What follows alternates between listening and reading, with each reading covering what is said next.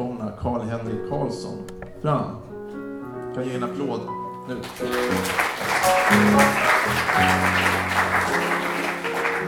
Karl-Henrik, det ska bli eh, spännande att få höra dina tankar och dina erfarenheter. Jag vill be en bön för dig innan du sätter igång. Tack Herre för att Karl-Henrik Karlsson är här. Tack för att du har förberett eh, den här kvällen. Eh, du har förberett Karl-Henrik genom de erfarenheter och de tankar och allt han har samlat på sig här eh, till det här viktiga ämnet. Herre, ber att du välsignar Karl-Henrik och du välsignar oss som lyssnar så att vi får ta till oss det här och låta det få bli praktiserat i våra liv. Ber så i ditt namn Jesus. Amen.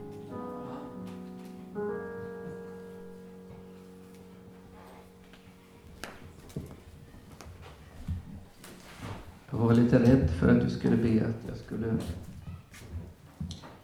få förmedla ord från Gud också. Men det, som tur var så bad du inte om det direkt. Tack. Det är alltid farligt att be om sånt. För då måste man lyssna på ett annat sätt. Men nu är det ingen fara.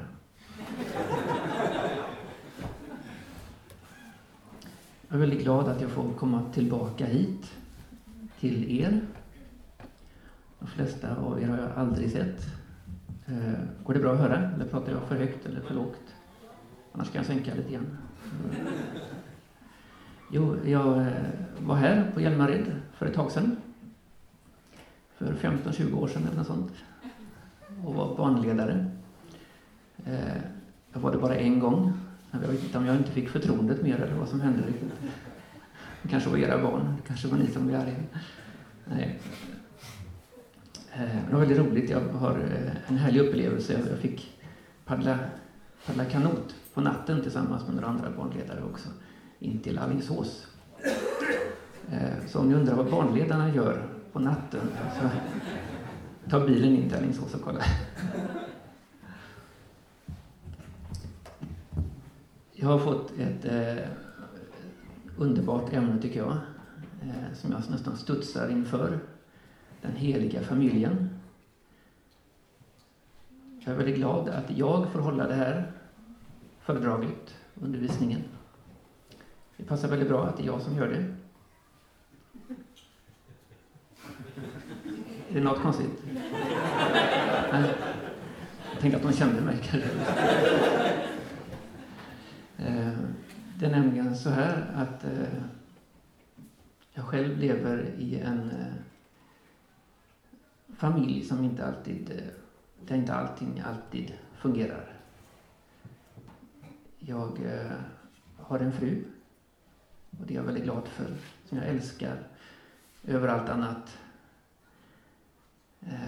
Men hon, hon vet också vem jag är.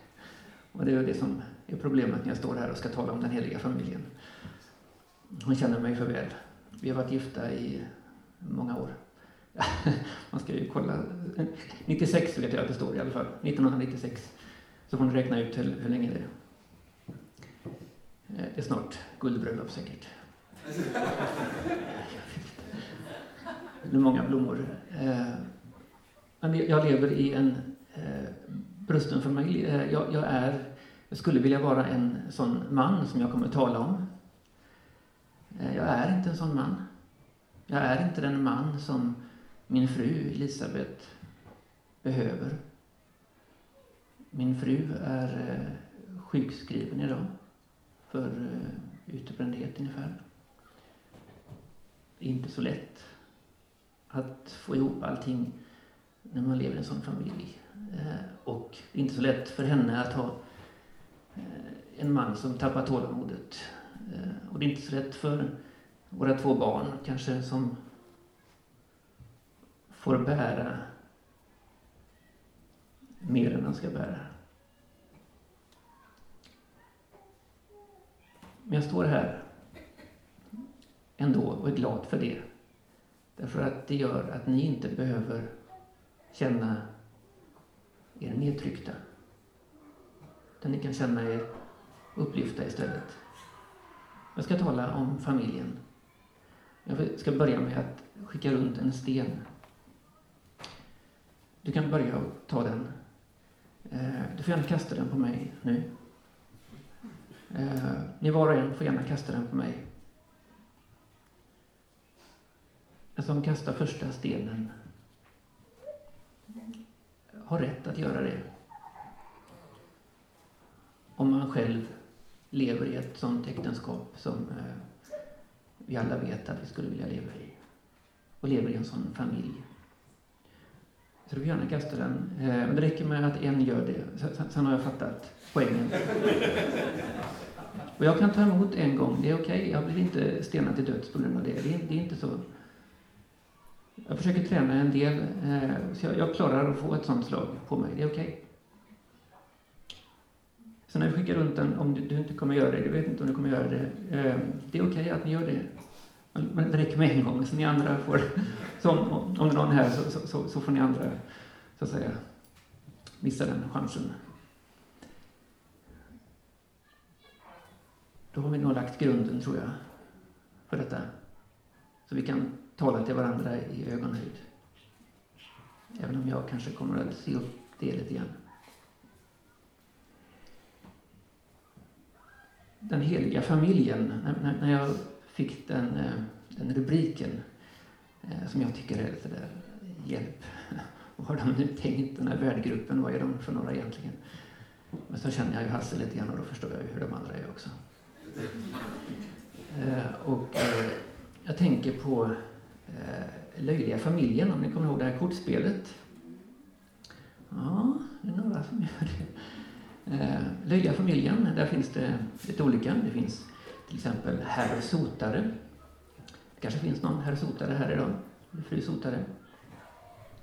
Och det finns det herr sotare och fru sotare och eh, unge herr sotare och vad, vad heter eh, unge fröken. Unge fröken sotare. Ja. Vi kanske har spelat det där, där, där vi har träffats. Eh, och så finns det målare och det finns eh, eh, unge herrpräst och ja, olika yrken. Och så finns det då den heliga familjen. Herr helig, fru helig och eh, unge fröken helig och unge herr helig och så. Det var inte med i vårt kortspel. Nej, hade kommit bort där. Det var någon jobb istället där som kom. Den heliga familjen är någonting annat. Det handlar inte om att vi ska samla ihop. Eh, nu är jag ju om vi tänker att jag är herr helig, nu vet ni att inte jag är, är det. Jag ringer. Jag får, får telefonnumret till min fru sen så, så kan hon garantera att jag inte är det. Eh, och eh, inte så att herr helig ska försöka hitta fru helig och då liksom har liksom kommit till första eh, kan jag snart få en, en kvartett och så ska man få unge fröken helig eh, ja, och sen är det unge son, eh, unge ungen. unge. Den heliga ungen, säger vi. Eh, och då har man till slut bildat en kvartett. Och då blir det jättebra och då kan man stå och tala om den heliga familjen på Hjälmareds folkhögskola. Så är det inte riktigt. Tyvärr. Och skönt är väl det. Och det är någonting helt annat den heliga familjen handlar om. Bara en liten kort presentation om mig själv. Eh, jag bor i Ljungskile, är gift och har två underbara barn. Jag måste här få säga att vi har nåden att de fortfarande lever i tron. De är tonåringar och det är inte lätt att vara tonåring och det är inte lätt att vara vuxen heller. Eh, men de lever i tron och det är en, bara en nåd. Eh, jag kommer ihåg det, att det, det är bara så, så, så som jag ser det helt och hållet. Det är en nåd. Och jag tackar Gud ibland på våra aftonböner. Att tack för att vi alla är kvar i tron. Jag tror det är bra att, att tacka för det faktiskt och även tacka för att vi vuxna, jag och min fru, fortfarande är kvar i tron. Det är absolut ingen självklarhet idag. Men våra barn bär oss, de uppmuntrar oss eh, genom deras liv. Och vi får uppmuntra barnen och de får se hur man inte ska vara också. Det är alltid bra att få lite, eh, se exempel också på det. Eh, jag är församlingspedagog i Lilla Edet. Eh, och eh, även eh, verksamhetsledare för Evnike, ett föräldranätverk. Och jag har skrivit en, en bok eh, som står där borta, på Guds uppdrag. Eh, som jag, jag kan nämna väldigt kort om hur det kom sig att jag skrev den boken och så lämnar vi mig sen den presentationen. Eh, den ger en liten förklaring också till föräldranätverket Evnike. Du får gärna ta med er den här, den här, den här lilla folden, Evnike-folden med hem i fickan. Och så kan ni läsa, läsa den hemma sen när ni kommer hem efter att ha varit på Hjälmared. Nu får ni njuta av varandra. Det var så här att jag eh, läste teologi för ett antal år sedan. Kanske tio år sedan, jag har ingen aning. Eh, jag är inte så duktig på årtal. Eh, och eh, så fick jag rådet från stiftet att eh, att gå i psykoterapi för att lära känna mig själv. Jag tog vara på den möjligheten och gick tio samtal eh, hos en psykolog. Det var jättevärdefullt. Jag lärde känna mig själv och förstod eh, hur det kom sig att jag är som jag är. Eh, många har funderat på det. Jag fick svaret. Jag kan, nu, kan jag, nu vet jag svaret och jag kan meddela, kan släppa bomben här. Det är på grund av mina föräldrar. Om ni inte uppskattar det jag säger så skyller jag på föräldrarna. Nej, jag skyller inte alls på dem. Men jag tackar dem väldigt mycket för vad de har gett mig. Eh, och genom de här samtalen så kunde jag se hur mycket mina föräldrar har betytt för den jag är, för min sjuka humor, eh, för min personlighet som är som den är, eh, för min krokrygghet som jag ofta, ofta har. Väldigt mycket har jag fått från mina föräldrar och det hade jag inte sett riktigt innan. Jag visste liksom att de, att de var kristna och de är, de är präst och diakon och sådär och då blir man ju kristen automatiskt och sådär. Det, det, det fattar jag ju så. Men inte, inte så att, att, jag, att även den bibelsyn som jag har fått, fått och bär med mig, även den bibelsynen kommer inte, inte direkt från mina föräldrar, utan alltså, det är svårt att förklara, men det är så viktigt det här för, för fortsättningen så jag måste få förklara mig, måste få försöka förklara. Eh, grunden till min bibelsyn som jag har idag, den fick jag från mina föräldrar. Inte direkt bibelsynen. Inte så att de sa att nu ska du tänka så här kring Bibeln. Utan grunden till det. Och vad är då grunden? Och det såg jag då i de här samtalen, det är att jag, att jag genom mina föräldrar, inte genom det de sa framförallt, för de är medvetna om att de, att de inte alltid sa, liksom, sa, sa allt vad de skulle kanske, och, eh, och så, utan deras tillit till, eh, till Gud och deras tillit till Guds ord. Det satte eh, djupa spår i mitt liv. Det är, är det någon som jobbar på en brädgård här eller gillar impregnerade brädor? Det är inte så, så, allt så bra, det är lite giftigt med det. Men, men när man tänker på en impregnerad eh, bräda, tryckimpregnerad, så det handlar inte bara om att man har strykit på olja, så, utan på något sätt handlar det om att det har tryckts in eh, i träet. Och det, det var det som hände med mig. Det var det mina föräldrar gjorde med mig. Genom att vara. Inte genom att tala framför allt, även om de gjorde det också. Men genom olika situationer som jag genom de här samtalen kunde, kunde komma att tänka på. Eh, där de hade eh, stått pall för olika situationer. Eh, där de hade fått stå upp för sin tro, där de inte egentligen hade pratat med mig om det, men jag liksom såg att de hade stått för någonting. Och de hade en tillit. Då liksom gick det djupt in här, inte där framför allt. Utan pekade på magen, eller vad gjorde jag? Okej, okay, vad bra. Hjärtat borde jag pekat på, men detta var ju ännu djupare. Eh, alltså liksom magkänsla eller något. Eh, liksom. Ja, man hänger med. Bra.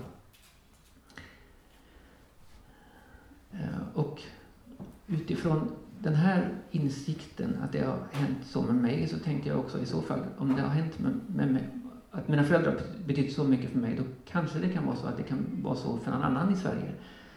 Eh, och jag tänkte att eh, i så fall borde man verkligen lyfta fram den här, den här betydelsen som föräldrar har. Och jag hade själv eh, små barn då. Mina barn är eh, 15 och 16 nu, jag vet inte hur gamla de var då, men de var mindre i alla fall. Var de, och yngre också. Eh, men i alla fall så eh, såg jag min, min stora betydelse. Eh, och jag såg att, att detta var ju faktiskt inte bara liksom en, en, en kul grej att vara förälder. Eh, det är inte alltid, alltid roligt, men, och inte bara en svår grej utan, utan det, det, det är en kallelse som jag har. Jag är, jag, jag är Sveriges, jag är med i, i Sveriges, eh, bland Sveriges viktigaste missionärer. Varför då? För att jag är förälder. Nu börjar vi tala liksom grejer.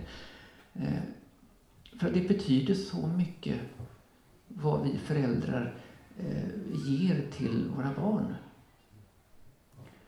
Och då skrev jag den här boken På Guds uppdrag.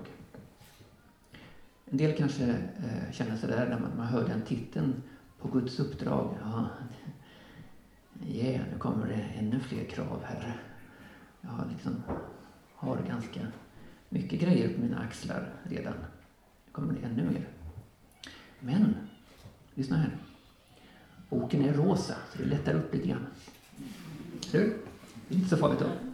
Nej, det handlar inte om det, utan det handlar om att det är viktigt att vi, att vi ser att det, är, att det är på Guds uppdrag. För om det skulle varit på vårt uppdrag och att, att, att det hänger på oss, då blir det något helt annat. Då får vi de här kraven. Men om vi tänker att det är på Guds uppdrag, att Gud har en kallelse, då kan vi också tänka på detta att om Gud ger en kallelse, då vet vi det är liksom totalgaranti, det är inte bara ettårsgaranti utan det är total livstidsgaranti på att om han, när han ger en kallelse, då backar han upp totalt. Inte lite grann sådär liksom, ah, jag är med dig, liksom, utan ah, jag finns där med dig när du står vid skötbordet. Mm. Nu är inte Gud så riktigt konkret. Gud är andlig och Gud bor i himlen och är med på lägret på Hjälmared. Men eh, kanske inte direkt i min vardag. Eh, kanske vi kan känna. Men om vi ser och läser Gamla Testamentet. Om vi läser Moseböckerna som vi ibland fastnar i. Så ser vi det här. Jag kan fråga så här. Varför är det vi ibland fastnar i Gamla Testamentets böcker, i Moseböckerna? Varför fastnar vi?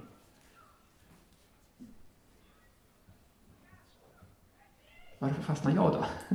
Kanske ingen annan som fastnar.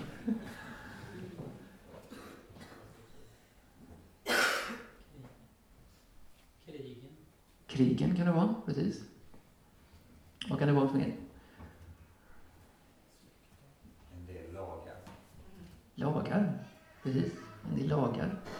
Och så släkttavlorna, precis. Krigen vill jag inte tala om nu. och eh, släkttavlorna tycker jag talar om hur viktigt hur viktig varje generation är. Det går liksom inte att hoppa över en generation i en släkttavla. Det liksom blir ingen släkttavla i så fall. Och alla dessa lagar. Om man ska göra så om det är så, sen så ska man göra så om det är så. Ja, men det var väldigt vad jobbigt det måste vara att vara jude, kan man tycka. Men judarna är jätteglada för detta. Och de är så tacksamma för lagen. De är så tacksamma för den mosaiska lagen. Den är så konkret. Så ruskigt konkret. Och det visar att Gud är intresserad av det konkreta livet. Nu har inte vi den judiska lagen, men vi kan ändå se hur, hur, hur Gud eh, verkar eh, genom sitt folk och med sitt folk och eh, hur intresserad han är av hur tabernaklet ska se ut. Han sa inte det. Och det Mose, jag vill att det ska vara eh, ungefär bort till sjön där och så ungefär så. Det fixar du va? Jag delegerar det till dig. Men alltså, jag vill ha det så här och så vill jag att, att det är snedtak och så sådana här lampor och, och så fina tegelväggar eh, och, och ett vackert altare där framme. Så vill jag att det ska se ut. Han är så intresserad, han är så konkret. Han är intresserad också av våran vardag, eller framför allt kanske våran vardag. Det är vi som ofta springer iväg, springer till kyrkan och, och är så himmelska. Gud är jordisk. Han är verkligen eh, nära och konkret. I alla fall så skrev jag den boken eh, då. Och det var så att vi ser att det är en, en, en kallelse från Gud. Det gör att vi kan koppla av och, och, och känna stödet från, från Herren, från, från, från Gud själv. Eh, och efter, ett, efter några år så såg jag att det behövdes eh, ett sammanhang och då var jag med och eh, fick, fick grunda det här nätverket Evnike som är ett föräldranätverk. Men det får ni läsa mer om, om där.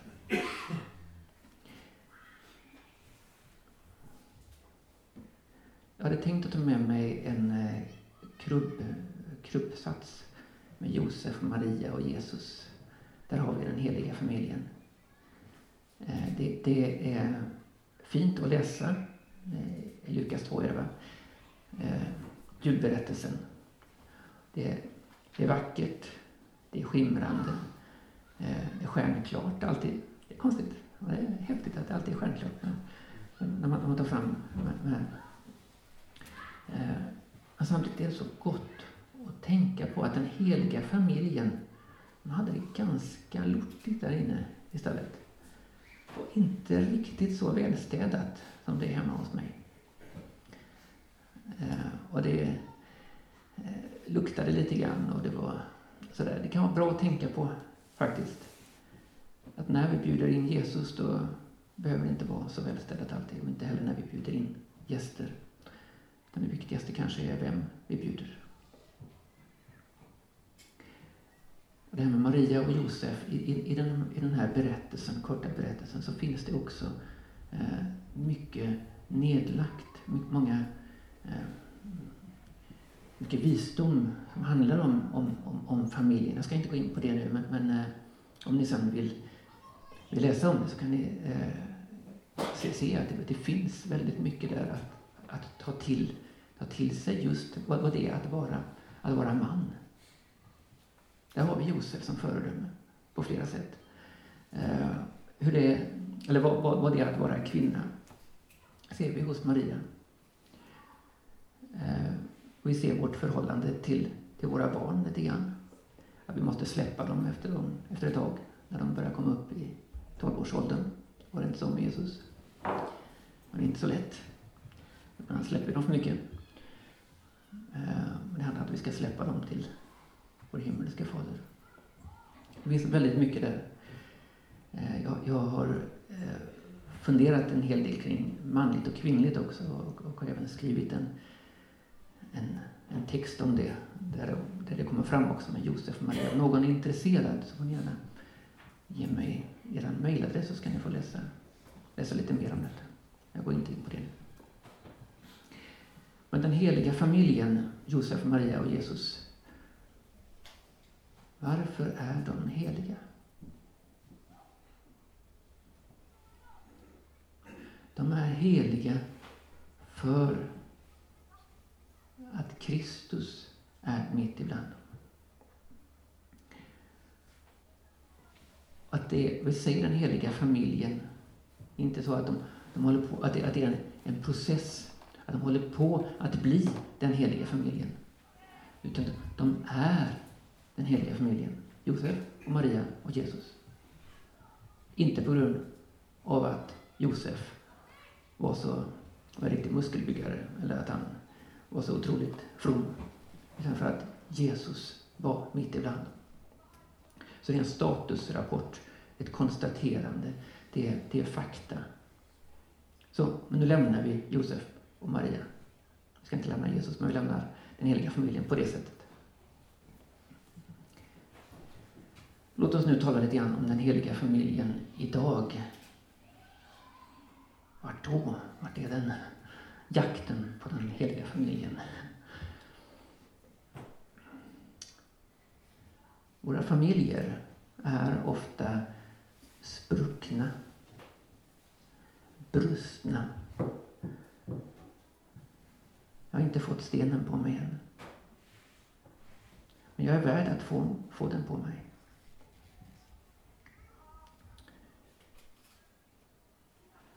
Våra familjer är på väg. Vi kommer, när vi sitter här i, i den här gemenskapen så, så kommer vi från, vi, vi har olika livsberättelser.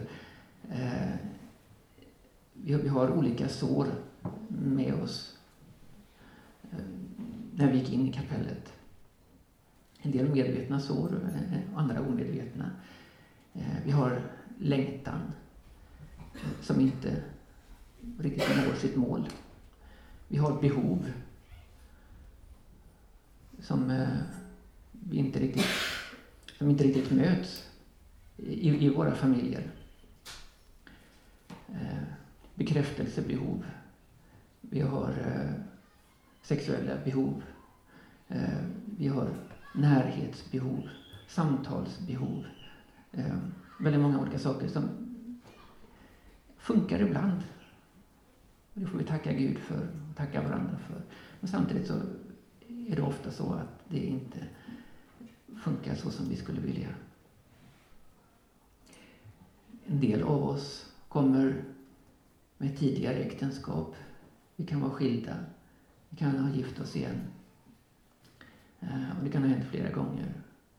Jag känner er inte. Och alltså, om, ni, om, ni förstår mig nu, eh, jag är glad att jag inte känner er. Eh, det, det, jag, vill, jag vill lära känna er, men eh, jag är glad att jag inte, inte behöver tänka på det just nu, utan jag bara, eh, vi, vi får göra det konstaterandet att vi är människor. Vi, vi, vi har vår, vår, vår livshistoria med oss. Och vi har inte någon rätt att döma varandra. Mina händer är också tomma. Men här är vi. Och det är bra. Och vi är inte här för att bli nedtryckta utan vi är här för att bli upplyfta. Men för att kunna gå dit så, är det viktigt att man ibland ser och eh, tar saker för, för vad de är. Så om jag skulle säga något obehagligt nu, eller något, något som ni, ni stöter er på, så det är inte liksom för att provocera. Jag är inte någon, någon konstnär som är ute för, ute för att provocera. Liksom för att, eh, liksom, det, blir, roligare så. Eh, utan, utan ibland kan man behöva... Ibland så finns det sår eh, eh, som, som vi liksom har plåstrat om och liksom, eh, lappat över. Saker vi har sopat under mattan och så finns de ändå kvar där. Och det är kanske bättre att vi tar upp dem eh, tillsammans med Guds ord istället för att de kommer som eh, en, en, en eh, en stormvind när vi minst anar det. Så, så, så, låt, oss, eh, låt oss tillsammans möta eh, det här eh, i omsorg om varandra och i omsorg om oss själva. Och våga, våga eh, se, våga, våga ta i även i det som är, är jobbigt. För att vi ska kunna gå vidare. För det finns hopp. Det finns hopp för var och en av oss att gå konkret vidare. Inte bara att vi liksom ska känna när vi kommer ut därifrån, ja ah, det var ju gött. Eller, ja det var lite tungt. Utan, utan jag menar alltså rent konkret eh, vill jag försöka tillsammans med er eh, lyfta fram, lyfta fram lite verktyg så, så, så att vi kan arbeta vidare med det konkret och det kan hända någonting i allas våra liv. När jag talar till er så talar jag till mig själv även om jag inte använder de orden. Jag, tar, jag, jag lyssnar lika mycket som jag talar. bara en kort sak om, om skilsmässa, i och med att det är, är vanligt eh, i samhället och ungefär lika vanligt bland, bland kristna. Så det är någonting som, som jag bara behöver beröra lite kort. Eh, det, det, är alltid ett stort sår för de av oss som, som, som, får gå igenom det eller har, har vänner eller syskon som, som går igenom det. Eh, Men det jag vill säga är att, att när vi, om, om det blir så att, att vi går igenom en skilsmässa, vilket alltid är ett brott emot, emot Guds, Guds kärleksvilja. Men när det sker och vi går vidare så är det viktigt att vi alltid ser det som ett misslyckande. Inte för att trycka ner oss, nej absolut inte det, utan för, försök att lyssna på mig nu så ni inte, inte missförstår mig. Eh, utan att vi alltid ser det som ett, ett misslyckande och särskilt inför våra barn. Att vi aldrig liksom tar det lätt. Ja, det, det blev fel. Nej, det var inte riktigt där. Det var inte den person som Gud hade menat. Det kanske det inte var, det vet inte jag, det har inte jag med saken att göra.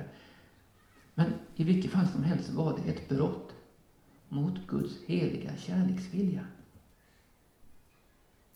Och det, när vi, om, om, om vi får barn, det är inte alla av oss som, som, som får, får nåden att få barn, eh, så, så är det viktigt att vi, eh, att vi inte sänder ut fel signaler. Att, att vi liksom rycker på axlarna signaler, förstår, förstår ni mig? Eh, utan att, nej, jag var gift. Jag skilde mig. Och det kan jag aldrig stå för. Det, det, det, sen kanske det inte var hållbart.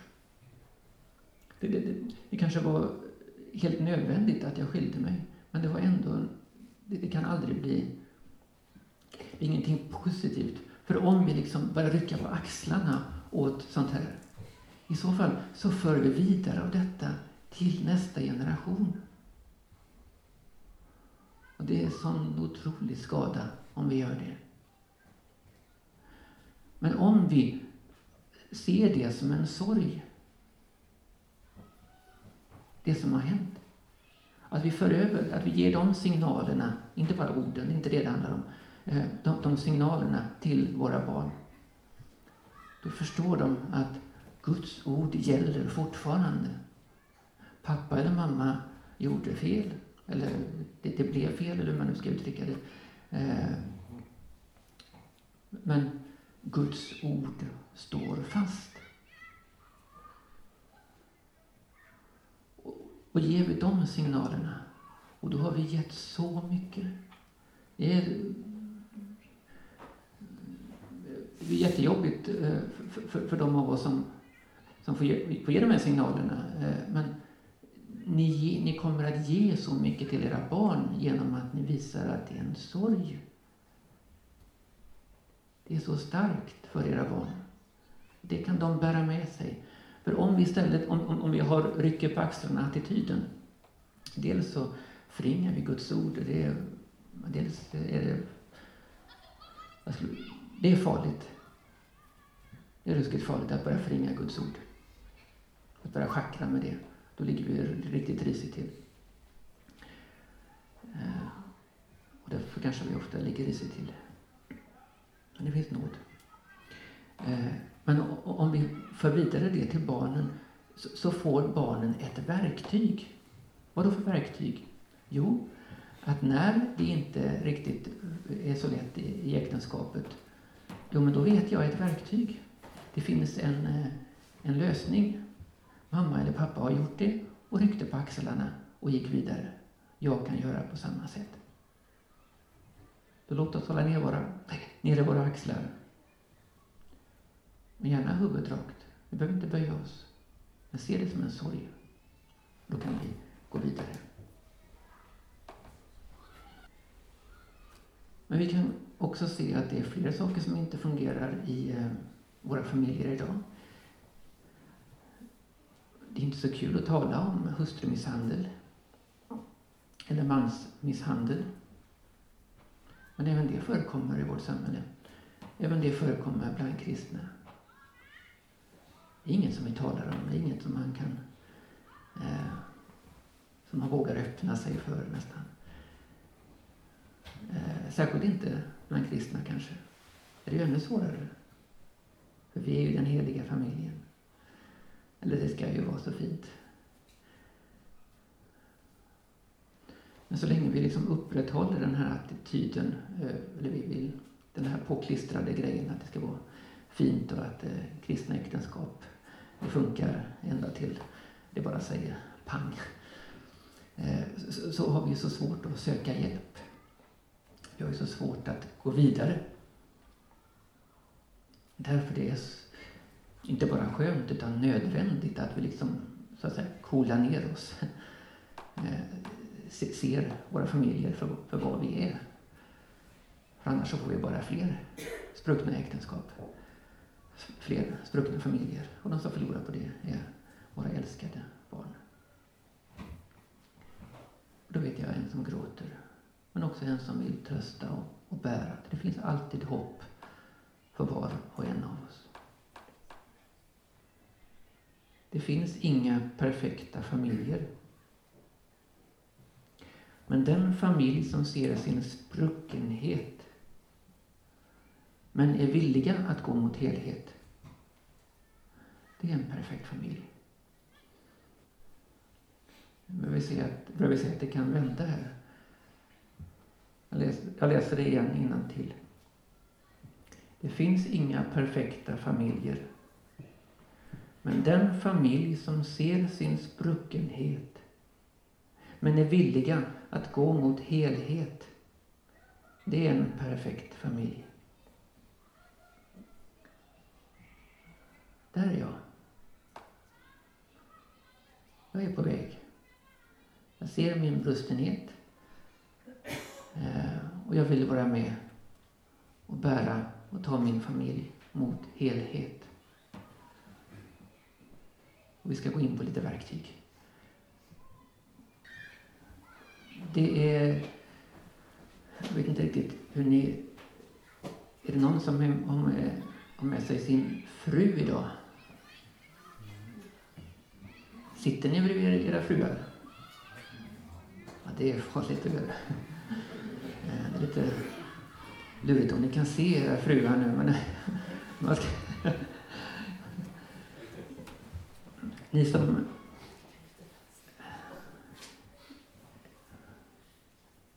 Jag vet inte hur jag ska uttrycka det, men... Eh, vi män vi har ibland eh,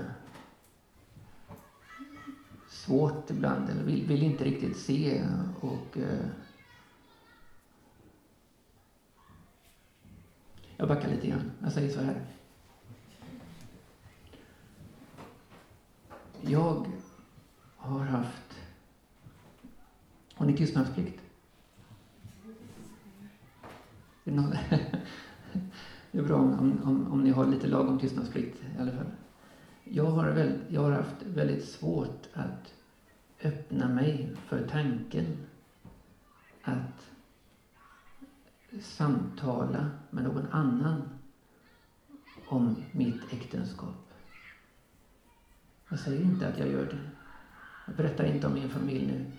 Men jag säger att jag själv har haft väldigt svårt att öppna mig för den tanken. Att öppna mig för någon annan om mitt äktenskap. Det är så, eh, så personligt. Eh, och jag eh, skulle ha svårt att se, tror jag, att, att jag, vadå jag, eh, vadå vi, skulle behöva samtala med någon annan. Min fru har mycket lättare för det, tror jag. Att öppna sig för den tanken. Är det någon fru här som känner igen sig lite grann i detta? Är det någon fru som lite grann känner igen sig att även så hos mannen Kan det vara så att det är fler män, eller jag själv, som har svårt för detta? Vi ska inte kategorisera, eller vad heter det? Eh, generalisera heter det. Det ska vi inte göra. Jag tror det är bra för er kvinnor att tänka på att vi män är lite tröga av oss. Det kan vara bra för oss män, tror jag, att se att våra kvinnor kanske försöker ge oss lite signaler ibland som vi är lite, har svårt att uppfatta. Vi talar lite olika språk. Vi, vi har olika lång vägsträcka på oss. Jag ber att, att ni kvinnor, ni kan ha lite tålamod med oss. Vi är tröga, men vi är goa. Och vi män, vi är på väg. Vi kan inte vara mer än på väg. Och då får fruarna vara nöjda. Det tycker jag. De kan inte kräva allt av oss. Men ge oss lite tid. Och vi får lyssna in varandra om vi vill gå framåt. Jag tror att vi måste börja våga tala med varandra i eh, äktenskapet. Eh, det är säkert kanske inte alla som är, är gifta här och en del kanske är på väg in i äktenskapet och, och sådär. Men det kan ändå vara, gott. Man ska inte fastna nu i äktenskapet för det är inte det det handlar om utan det, det är familjen i helhet. Men jag tänker ändå att det är bra att vi vågar tala med varandra i familjen eh, och den vi är öppna för att bilda familj tillsammans med. Våga tala om sådana här saker. Fy vad svårt det är. Ni måste ha tålamod med oss män. Vi är på väg. Och vi får också bekräfta varandra. Alltså, ehm, inte bara här, här på lägret, det kan vara väldigt värdefullt när man möts så här att bekräfta varandra att, att det är inte så lätt att vara familj. Det är väldigt lätt att bli gift, men det är svårt att vara det. Men eh, det finns inget bättre heller när det fungerar. När man har varandra och båda vill gå vägen.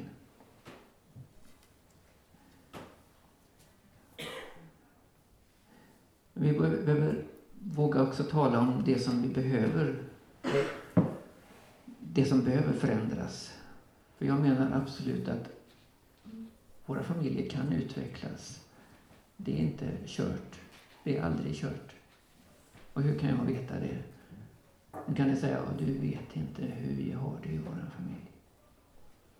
Jag talar nu utifrån Guds perspektiv. Vi sitter faktiskt här som kristna. Och kristna tror faktiskt på Gud. Sant? Och då får vi räkna med honom också. Och för honom så är det aldrig kört. Han vill och han vill komma in i våra, i våra familjer. För att vi ska kunna Eh, byta ut destruktiva mönster, destruktiva grejer eh, i familjen, beteenden, så behöver vi eh, se det för vad det är. Ta, ta det för vad det är. Sätta ord på det. Lägga ner det och sen byta ut det mot ett gott mönster. Goda, goda beteenden.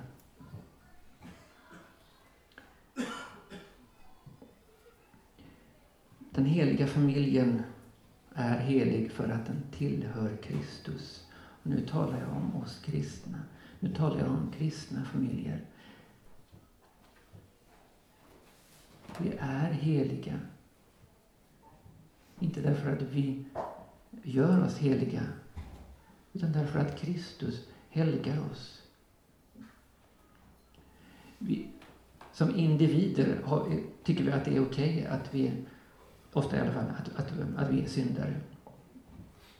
Som nation kan vi också tala om att vi, vi är, eh, har syndat. Som kyrka Ja. Som familj. Vadå, det är en annan sak. Nej, som familj finns det, det finns också familjesynder. Eh, det finns mycket sånt som, som, som finns kvar. Som vi behöver göra upp med. Som vi behöver ta tag i. Eh, då behöver vi se det för vad det är. Vi behöver be om förlåtelse, lägga ner det. Få nåd för det. Och ta emot detta. Att även samtidigt som vi är, eh, är en brusten familj, så är vi en helig familj. Därför att Kristus är helig. Han är ljuset i vårt hus som lyser upp där och gör vår familj helig. Därför är vi en helig familj. Precis som att jag är helig, inte på grund av vad jag gör, utan på grund av att jag tillhör Kristus. Jesus bor i vår familj när vi ber till honom, när vi tar emot hans ord, när vi lever tillsammans med honom. Och då är vår familj helig. Barnen, jag måste säga någonting om barnen också. Barnen kan vara väldigt viktiga nycklar i våra familjer. Nycklar för att lösa upp, för att hjälpa till. Men samtidigt, som jag nämnde i början när jag talade om, om min familj, det får inte bli så att vi lägger över ansvaret på dem för vår familj. Aldrig lägga över något ansvar på dem för familjen. Där har vi föräldrar, som föräldrar huvudansvaret, hela ansvaret. Och vi män, vi har ett huvudansvar för det. Men barnen kan vara väldigt viktiga, viktiga nycklar. De kan vara med och läka i familjen. Vi får aldrig på något sätt ge signaler om att lägga över det på dem. Det är lätt hänt att vi gör. Det får vi aldrig göra. Då får vi be dem om förlåtelse. Jag kommer köra på väldigt kort, eller snabbt och rappt och kort, eh, så vi ska snart avsluta. Det behövs en kvinna i familjen. Står om eh, kvinnan i Ordspråksboken eh, i Ordspråksboken 31, kapitel 31. Ni män och ni kvinnor får gärna läsa Ordspråksboken 31 senare. Där står det eh, om hur underbar kvinnan är. Och mannen prisar henne och liksom upphöjer henne. Hon är helt underbar. Här målas en idealbild. Men det viktigaste av... Hon är alltså företagsam. Hon, hon, hon gör det, hon gör det. Hon, hon är helt underbar. Eh, som min fru. Eh, men så står det sen att det viktigaste är att hon har Guds fruktan. Där, ni kvinnor, där har ni det är eran krona. Eran krona är inte er företagsamhet och allt ni gör och att ni, allt ni utför. Det är underbart det också. Men kronan är Guds fruktan. Och det är det som vi män får se hos våra kvinnor. Lyfta upp dem. Och ett tips till oss män. Ifall vi vill ha den kvinna som vi gifte oss med så får vi också behandla den fru som vi har nu på det sätt som vi behandlade henne då. Om vi behandlar vår hustru, vår kvinna, som en drottning så blir hon en drottning.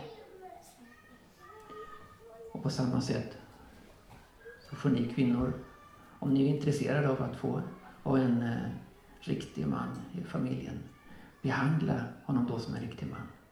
Som ni vill att han ska vara mot er. Börja, även om han inte är som nu, så börja. Kan han växa in i det ansvaret. Jag måste få säga någonting om den tjänande kärlekens väg. Jesus Jesus hade en, en, en, något otroligt. Han hade någonting som kallas tjänande. Det är väldigt impopulärt idag. Men det är så oerhört värdefullt om vi kan få, få in det i våra äktenskap. Om jag säger underordnande, då är det flera av oss som kommer rygga tillbaka. Ah, nej, liksom, tala inte om det. Det är snart slut, föredrag snart slut, det skulle slutat nu. Eh, men jag måste få säga någonting om detta. I Bibeln står det någonting om underordnande. Och det är ingenting, något, något jobbigt som läggs på, utan det, det är en gåva som gör att äktenskapet, familjen, kan fungera som Gud har tänkt. Det handlar om Guds rikes hemlighet detta. Se bara på Jesus och Fadern och hur de korrelerar med varandra. Är de lika i värdighet? Ja, det är de. Men Jesus underordnar sig Fadern i evighet. De är totalt lika mycket värda. Och på samma sätt så får mannen och kvinnan underordna sig Kristus. Vi är totalt lika mycket värda. Om inte mer värda kanske. Men när vi ser varandra som så värda och vi ska underordna oss varandra också, står det, säger Paulus, om vi ska lyssna på honom, och det ska vi göra. Ska vi också underordna oss varandra. Men Paulus talar om den tjänande kärlekens väg. Och det handlar om att, att i äktenskapsstyrelsen så finns det en som har ett huvudansvar. Det finns en som är styrelseordförande. Där har Gud satt mannen som styrelseordförande. Båda har lika rösträtt.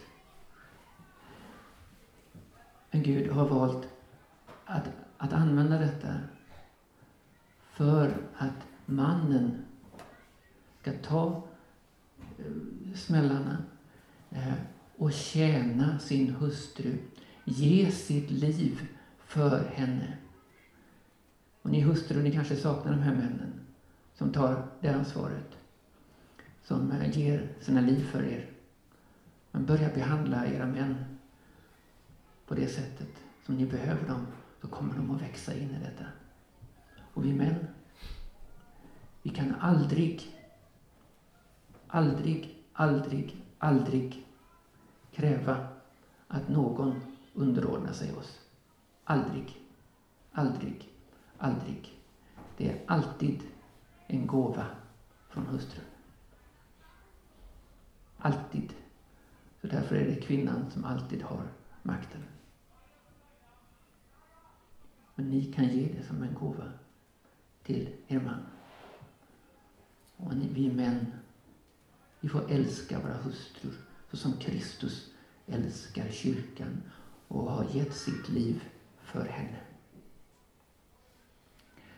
Det står lite mer om det i den här boken som egentligen handlar om föräldraskap. Men vi kan inte skilja på de här sakerna. Jag avslutar här. Så vill jag säga en, en mening som jag vill att ni bär med er.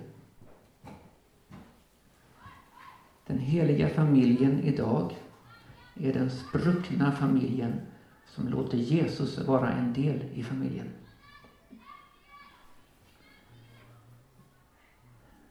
Den heliga familjen idag är den spruckna familjen som låter Jesus vara en del i familjen.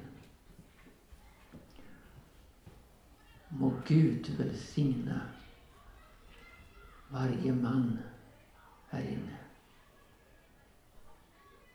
Ni har en kallelse från Gud att ge era liv för era kvinnor.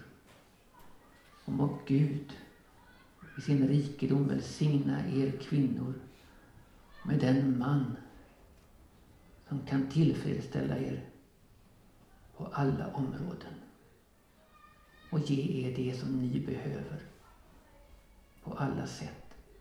För den kännande kärleken handlar inte bara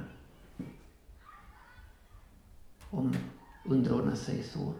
Det handlar om att ge. Och även på det sexuella området. Det handlar om att ge. Inte om att ta, utan om att ge. För vi älskar varandra. Tack så mycket för att jag fick komma. Tá?